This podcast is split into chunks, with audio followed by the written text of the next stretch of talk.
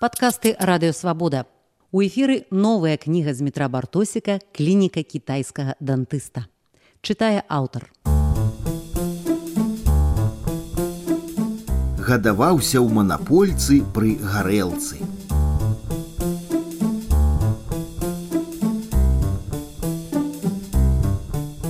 Удзячная гэта справа знаёміцца з паэтам завочна.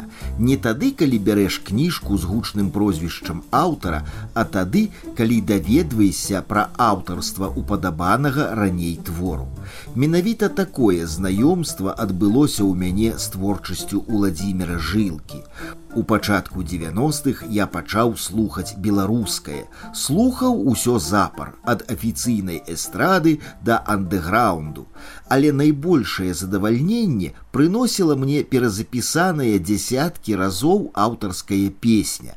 І неяк прывязалася да душы адна прыгожая песенька ольгі цярэшчанкі шлях да Бога. Я міжволі вывучыў яе на памяць. Як пазней высветлілася, я вывучыў вывучыў верш Уладзіміра жылкі.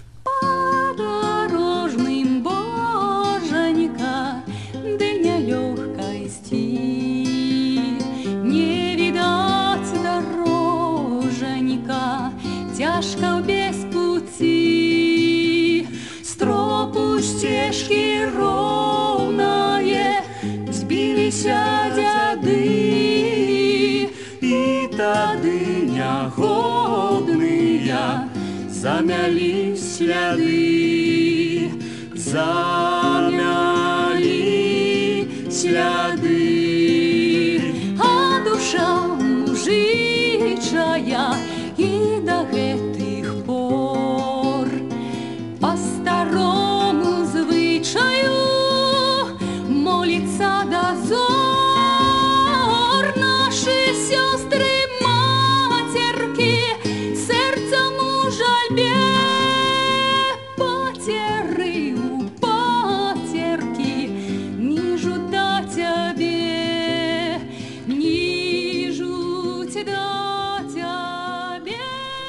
Напяваючы гэтую песню, я ехаў у вёску макашы нясвійскага раёну, дзе сто гадоў таму нарадзіўся паэт Ехаў па банальны сюжэт да сотых угодкаў.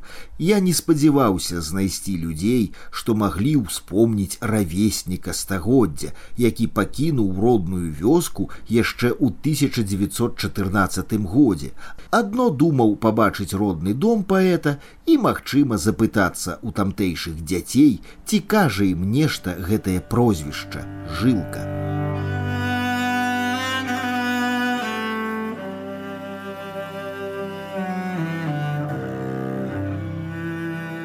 Макашоў у маім дарожным атлясе не было. Можа там калі што і засталося, дык якія два-тры двары, Насамрэч паміж прыгожым лесам і рэчкай ушою раскінулася даволі вялікае сяло. Старыя драўляныя дамкі перамяжоўваюцца з дыхтоўнымі мураванкамі. Сумным сімбалем прамінулага стагоддзя глядзяцца руіны калгаснага мех двара з іржавымі шкілетамі камбайнаў. Некалькі вузкіх вулачак збягаюцца да немалога пляцу. На ўзгорку разлегліся вясковыя могілкі, а ў самым цэнтры гэтай зялёнай плошчы ахайна абгароджаная пляцоўка з невялічкім помнікам. На мармуровай пліце выгравыраваны знаёмы партрэт. Надпіс паведамляе, што тут у вёсцы макашы нарадзіўся беларускі савецкі паэт Уладзімир Жылка. Пакуль я вывучаў помнік, да мяне падышла сямейная пара. Ён п'янтос гадоў 30 у бруднай цяльняшцы і з дурнаватай усмешкай на малінавым твары. Яна кабета з хітраватым позіркам і памятым абліччам. На руках у яе замурзанае трохгадовае дзяўчо. А вы дзедам інтэрысуецеся, запыталася кабета. Як вы яго назвалі, перапытаў я, ну гэтым жылко, пісателем. Далей маёй асветаю заняўся муж. Ён паведаміў, што жылко напісаў нейкі вершык, за што яго пасадзілі ў Сібір. а дом паэта купіў нейкі дачнік з Менску. Дом, дарэчы, дзякуючы таму загадкаваму дачніку выглядае як нядаўна пабудаваны, новая шалёўка, новая бляха. А вунь там, паведаміла кабета, жыве стары дзед, які хрысціў таго паэта. Можа, я чаго не дачуў, але да паказанага кабетаю дому пайшоў з вялікай цікавасцю.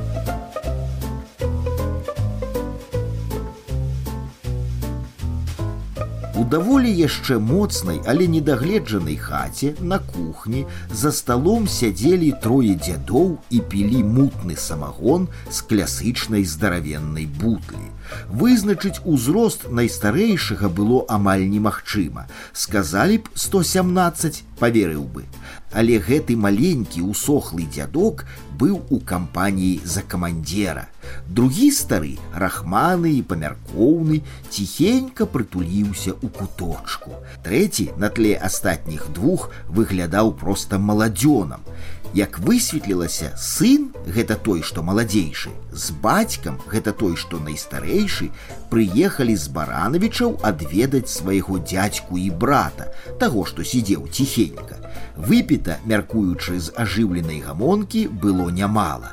Не паспеў я адрэкамендавацца і дастаць мікрафон, як перада мною ўжо стаяў напоўнены кілішак я звярнуўся да самага старога Івана Абрамовича, народжанага ў макашах праз два гады пасля з'яўлення на свет знакамітага земляка у 1902 і пачуў у адказ трасянку мовы і фактаў.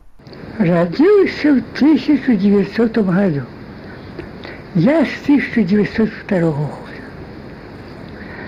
Отец его крестил меня а отец его родом из-под Слуцка.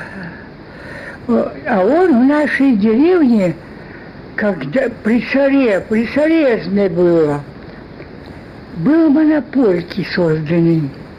Вы, вы, вы, вы тоже не помните. И он при Польше, он уже был уверен, было выписанная газета «Звезда», кажется. Кажется, «Звезда». И он был редактор, кажется, этой газеты, это Жилка. Потом его, при, не буду говорить, при диктаторе просто скажу, поскольку я понимаю, что сказать. Это был, дайте, дайте, дайте, разрешите мне об, об, об здесь.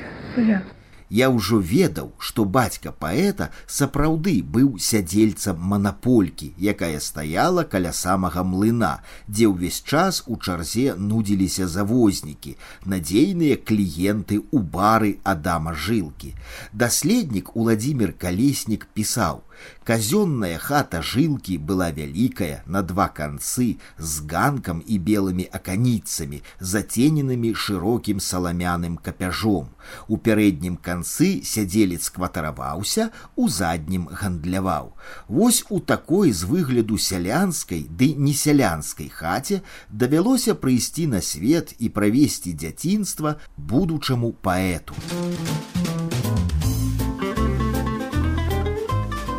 Гэта значыць, што нарадзіўся паэт фактычна ў манапольцы, пры гарэлцы, у антуражы падобным на той, у якім цяпер успамінаюць пра яго землякі.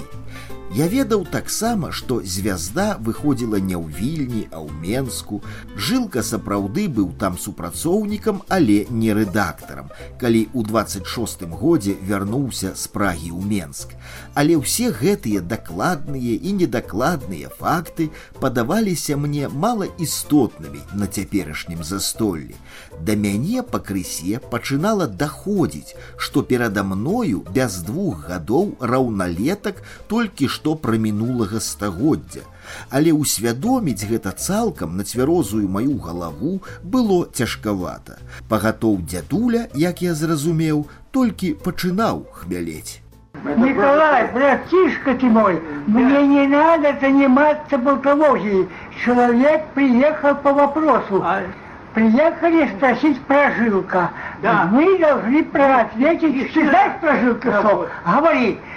вы знаете, ты, брат, знаешь про Жилка что? треба Говори тоже. Надо говорить то, то, что знаешь про человека. рука А то, что болтологией заниматься, я, я это вовек не занимался. Я должен говорить Если правду, выпил. честно и благородно. Если ты рюмку выпил... Я старик. и Ты катрагель... Я сегодня, может быть, Ну, сегодня одна минута и конец моей жизни. Вот так вот. Мне уже 90, 98 лет. Так или не так?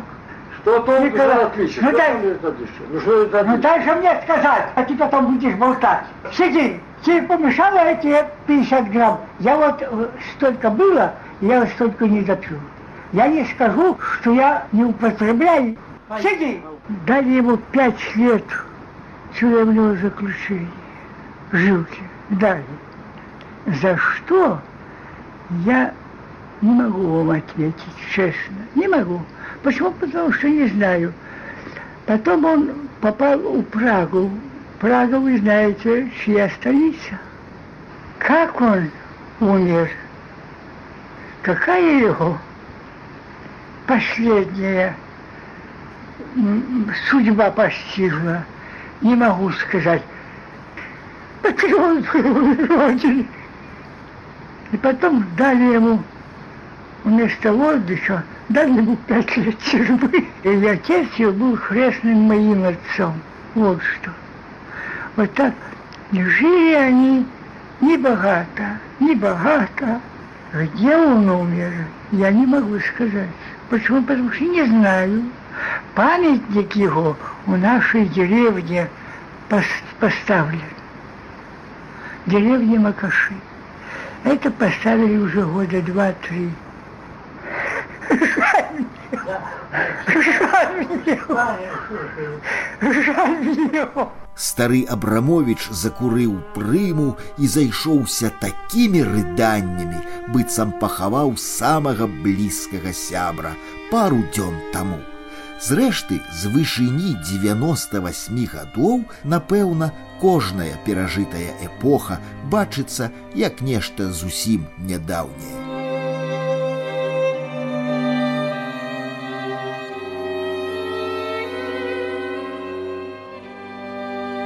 Я не стаў болей турбаваць старых людзей, пакінуўшы іх далей распіваць сваю пляшку. Няцяжка нават уявіць, як гэтая троіца п'е на працягу стагоддзя ад самага нараджэння. За пыльным акном мяняюцца рэжымы і ўлады.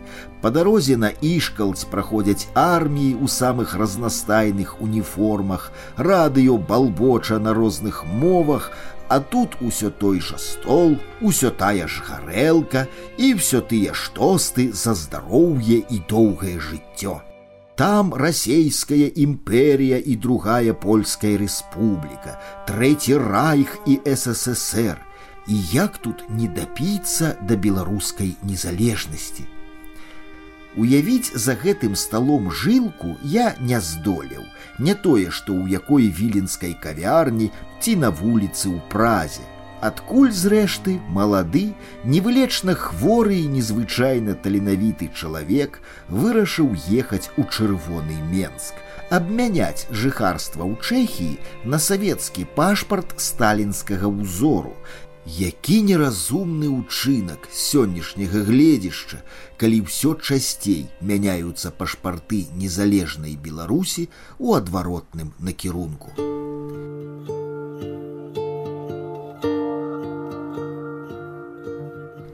Дед жылкі па маці Анупрэй пражыў 112 гадоў. З такой моцнай генетыкай і сам паэт мог сядзець за тым адвечным сталом амаль што да нашых дзён. І не было б сухотаў, на якія захварэў у Менску, не было б вільні і прагі і смерці на чужыне, але не было б і вершаў. Пытанне пра тое, які б варыянт уласнага жыцця выбраў ён сам, надоўга заглыбіла мяне ў філасофскі роздум.